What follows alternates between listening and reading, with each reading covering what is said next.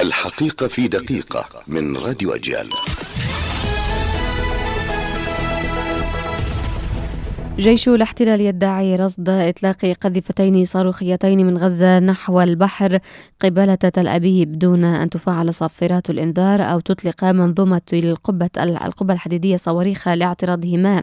إدارة الجامعة الأمريكية تعلن استمرار الدوام كالمعتاد اعتبارا من يوم غد الأحد مشيرة إلى أنه سيتم احتساب غيابات الطلبة. الصحة تعلن تسجيل ثماني وفيات و136 إصابة جديدة بكورونا. أما مجمل الإصابات بمتحور أوميكرون في فلسطين بلغ 68 إصابة. هيئة شؤون الأسرى تحذر من خطورة الوضع الصحي للأسير هشام أبو هواش الذي يواصل إضرابه المفتوح عن الطعام لليوم الثام 138 على التوالي. عن أسعار صرف العملات الدولار يصرف بثلاثة شواكل وإحدى عشرة أجورة الدينار بأربعة شواكل وتسع وثلاثين واليورو بثلاثة شواكل وأربع وخمسين أجورة. إلى اللقاء.